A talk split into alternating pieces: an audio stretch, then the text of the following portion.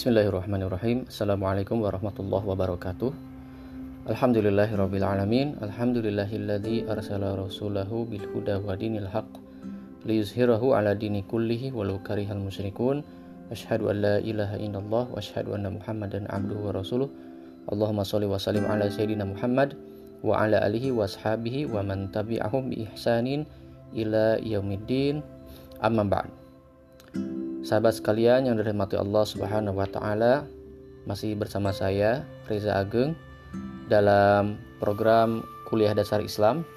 Kali ini di episode yang kelima kita akan membahas tentang bagaimana mengimani perkara gaib. Setelah kita eh, berbicara tentang bagaimana mengimani dan meyakini keberadaan Allah Subhanahu wa taala kemudian meyakini kebenaran dari Al-Quran, kitab suci kita, dan juga meyakini kebenaran kenabian Muhammad Sallallahu Alaihi Wasallam. Sekarang tiba waktunya kita membahas bagaimana kita meyakini wujudnya adanya kebenaran hal-hal yang bersifat gaib atau yang tidak dapat dijangkau oleh eh, panca indera kita.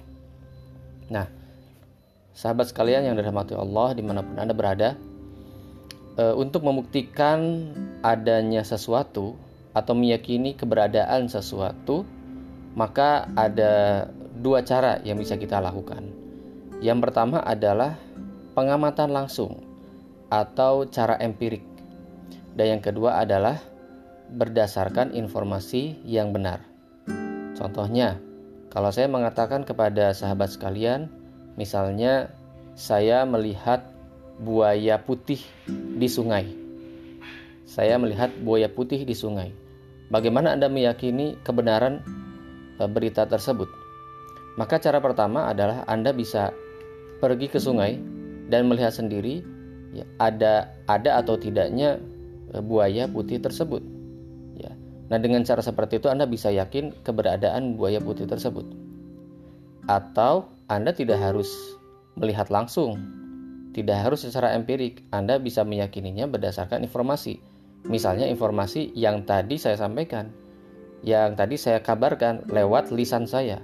Kalau Anda percaya bahwa saya ini orang yang jujur misalnya dan bisa dipercaya, ya, maka eh, Anda bisa meyakini adanya buaya putih tersebut.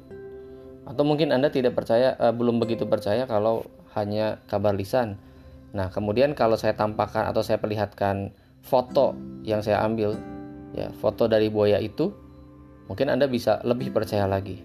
Nah, walaupun dalam kasus ini mungkin kepercayaan atau keyakinan terhadap berita yang saya sampaikan tidak 100% karena bisa jadi ada peluang eh, saya tidak jujur. Tetapi ini membuktikan bahwa meyakini keberadaan sesuatu, membuktikan keberadaan sesuatu itu bisa juga berdasarkan informasi yang benar. Nah, terkait hal-hal perkara gaib, bagaimana mengimani adanya malaikat misalnya? Bagaimana mengimani adanya hari kiamat, hari akhir, adanya surga, neraka? Ya. Apakah hal tersebut bisa dicapai lewat pendekatan pertama secara empirik misalnya dengan melihat langsung? Tentu tidak. Karena panca indera kita tidak mampu menjangkau hal-hal itu. Oleh karenanya disebut perkara gaib, yaitu hal-hal yang tidak bisa kita lihat, tidak bisa kita indra.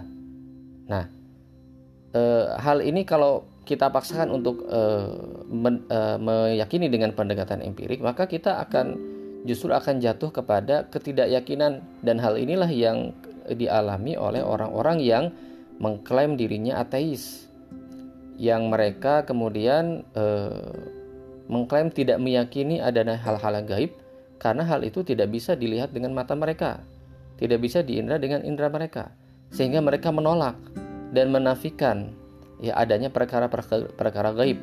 Itu yang menyebabkan mereka tidak percaya hari akhir, tidak percaya adanya hal-hal gaib, surga neraka, malaikat, ya, dan juga tidak percaya adanya Tuhan. Nah, karena menurut mereka kebenaran sesuatu atau keyakinan adanya wujudnya sesuatu itu harus dicapai secara empirik dengan pengalaman indrawi. Nah, ini yang keliru. Sebab berdasarkan contoh tadi, ternyata wujud sesuatu, keberadaan sesuatu juga bisa dicapai dengan informasi yang benar. Nah, perkara hal-hal gaib ini seperti tadi, hari kiamat, malaikat, surga, neraka dan sebagainya, kita bisa mencapai keyakinan wujudnya hal-hal tersebut dari informasi yang benar. Apa informasi yang benar tersebut? Tidak lain tidak bukan adalah Al-Qur'an. Nah, kita di pertemuan yang lalu sudah, membahas tentang kebenaran Al-Qur'an dan bahwasanya Al-Quran ini tidak mungkin mengandung kesalahan. Beda dengan omongan manusia, perkataan manusia, perkataan saya bisa jadi mengandung kesalahan karena salah pengamatan atau bisa jadi mengandung kesalahan dalam arti ada kebohongan. Kenapa? Sebab manusia, saya dan Anda sekalian memiliki kepentingan ya. Karena kita masih saling bergantung satu sama lain. Sehingga bisa jadi saya punya kepentingan ada suatu kepentingan sehingga saya harus e, mengatakan hal yang tidak benar atau saya harus berbohong misalnya ya. Itu terjadi pada manusia. Tetapi pada Allah tidak mungkin atau mustahil hal itu bisa terjadi. Kenapa? Sebab Allah tidak bergantung pada makhluknya karena Allah adalah sang pencipta yang absolut al khalik maka mustahil bergantung pada makhluknya mustahil punya kepentingan terhadap makhluknya sehingga pasti apa yang difirmankan Allah itu sesuatu yang pasti benar maka semua isi Al-Quran itu sudah pasti isinya adalah kebenaran. Nah, oleh karena itu kita bisa meyakini perkara-perkara gaib tersebut dari informasi yang benar atau khabar sadiq yang ada di dalam Al-Qur'an. Misalnya, di dalam Quran Allah Subhanahu wa taala berfirman, "A'udzubillahi minasyaitonirrajim." Ya ayyuhalladzina amanu aminu billahi wa rasulihi wal kitabil ladzi nazzala ala rasulihi wal kitabil ladzi anzala min qabl Wa may yakfur billahi wa malaikatihi wa kutubihi wa rusulihi wal yawmil akhir faqad dhalla dhalalan ba'ida. Yang artinya wahai orang-orang yang beriman tetaplah beriman kepada Allah, kepada rasulnya, kepada kitab yang kami turunkan, yang diturunkan kepada eh, rasulnya dan kitab yang diturunkan sebelumnya. Barang siapa yang mengkufuri atau mengingkari kepada Allah kepada malaikat, kepada kitab-kitabnya, dan rasul-rasulnya, dan hari akhir, maka dia sungguh berada dalam kesesatan yang jauh. Nah, dalam ayat ini, Allah Subhanahu wa Ta'ala mengabarkan hal-hal yang harus kita imani adanya, walaupun kita tidak mengindra. Allah menyuruh kita tetap dalam keimanan terhadap Allah, terhadap Rasulnya yaitu Muhammad SAW, dan terhadap kitabnya Al-Quranul Karim. Dan juga mengimani eh, adanya kitab-kitab yang diturunkan sebelum Al-Quran, yang diturunkan kepada nabi-nabi sebelum Nabi Muhammad SAW. Dan dikatakan di sini bahwa barang siapa yang ingkar terhadap Allah, terhadap wujud adanya malaikat, dan terhadap kitab-kitab Allah, terhadap rasul-rasul yang ada, yang dikirim sebelum diutus sebelum Nabi Muhammad SAW, dan terhadap hari akhir maka dia sungguh uh, sesat bagi orang yang mengingkari hal tersebut. Artinya dalam ayat ini mengabarkan adanya hal-hal gaib tadi, adanya malaikat, adanya eh, hari akhir, ya. Itu semua adanya juga kitab-kitab sebelum Al-Qur'an adanya para nabi. Itu hal-hal gaib yang disebutkan di dalam eh, ayat ini. Dan eh, kalau kita misalnya buka surat Al-Baqarah ketika berbicara tentang penciptaan Adam, Allah Subhanahu wa taala berfirman, "Wa idqulna lil malaikati isjudu li Adam fasajadu." Ini mengabarkan adanya malaikat Nah, sahabat sekalian yang uh, dirahmati Allah Subhanahu wa taala juga misalnya tentang malaikat Jibril. Allah menggambarkan di dalam At-Takwir, surah At-Takwir. Innahu laqaulu rasulin karim dzi 'inda dzil arsy makin. Sesungguhnya Al-Qur'an itu benar-benar firman Allah yang dibawa oleh utusan yang mulia yang dimaksud adalah malaikat Jibril yang membawa wahyu. Dan kemudian juga misalnya keberadaan malaikat maut di dalam eh, surat As-Sajdah. Qul yatawafakum malakul mautil ladzi wukila bikum thumma ila rabbikum turja'un. Katakanlah malaikat maut yang diserahi untuk mencabut nyawamu akan mematikan kamu. Hanya kepada Tuhan kamu pasti kembalikan. Adanya malaikat maut harus kita juga e, imani. Nah, adapun kemudian e, terkait misalnya perkara kiamat adanya hari akhir ya Allah Subhanahu wa taala juga berfirman di dalam Al-Qur'an yas'alunaka 'anis sa'ati ayyana mursaha. Mereka bertanya kepadamu tentang kiamat, kapankah dia tiba? Kul inna ma'ilmuha inda rabbi. Katakan bahwa ilmu tentang kiamat itu ada pada Tuhanmu. Nah, ini ayat ini membuktikan adanya hari kiamat.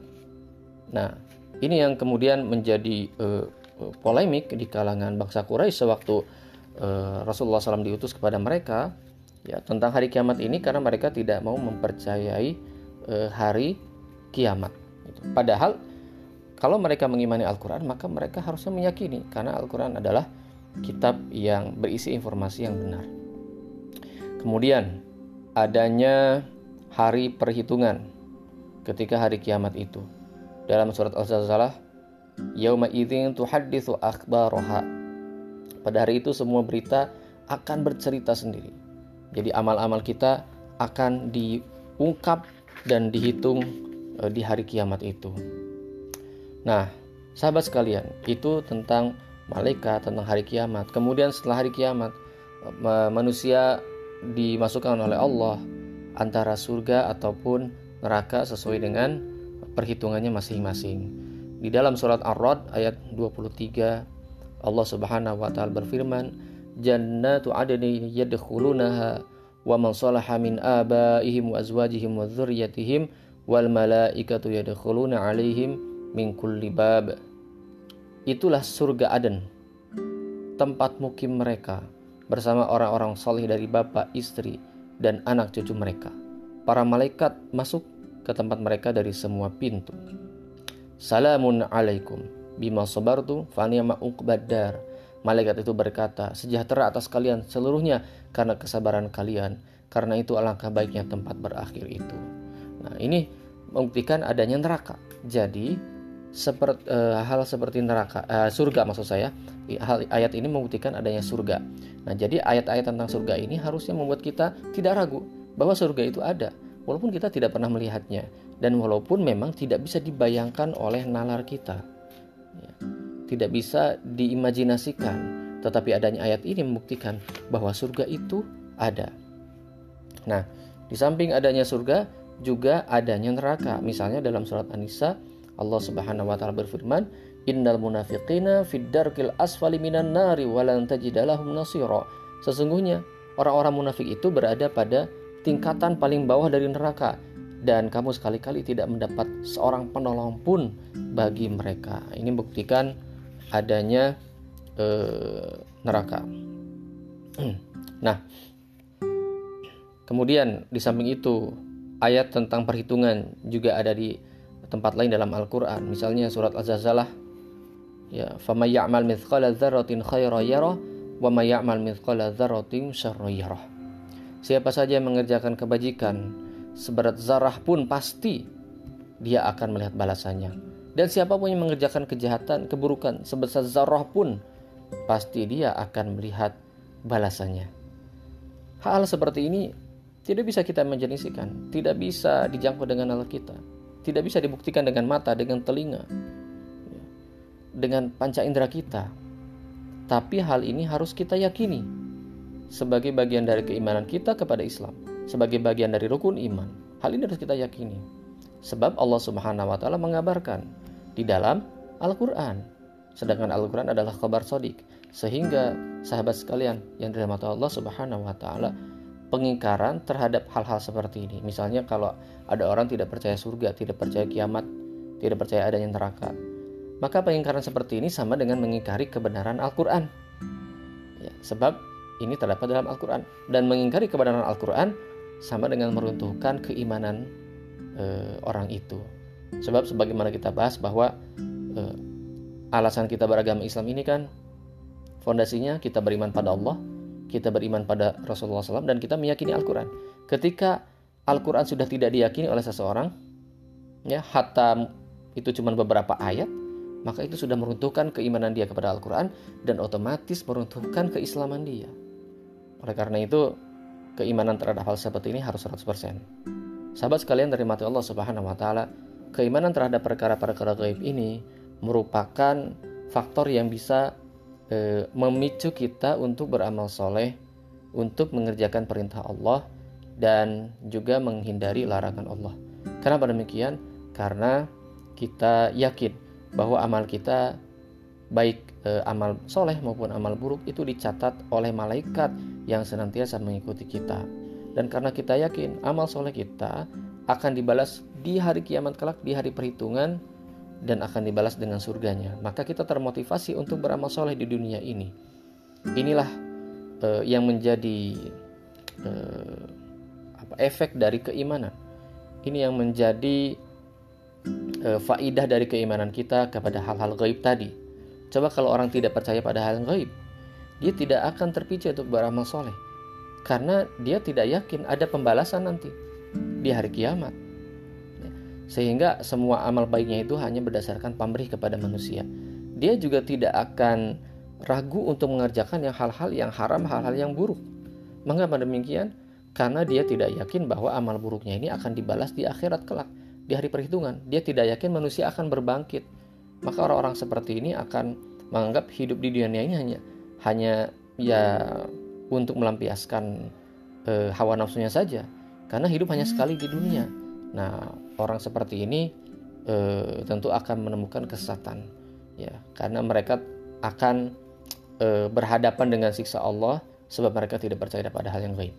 Sahabat sekalian, semoga pembahasan ini semakin menguatkan keyakinan kita, keimanan kita pada perkara-perkara yang gaib sehingga kita dimasukkan ke dalam uh, golongan orang-orang yang bertakwa. Sebab Allah Subhanahu wa taala mensifati orang yang bertakwa itu adalah orang-orang yang percaya pada yang gaib sebagaimana disebutkan di dalam surat Al-Baqarah. Alladzina yu'minuna bil ghaib wa yuqimuna sholata wa mimma razaqnahum yunfiqun. Itulah sifat-sifat orang mukmin yaitu orang-orang yang percaya pada yang gaib. Baik, Sahabat sekalian, semoga pembahasan ini bermanfaat. Kita akan melanjutkan pembahasan ini di e, pertemuan yang akan datang. Terima kasih. Assalamualaikum warahmatullahi wabarakatuh.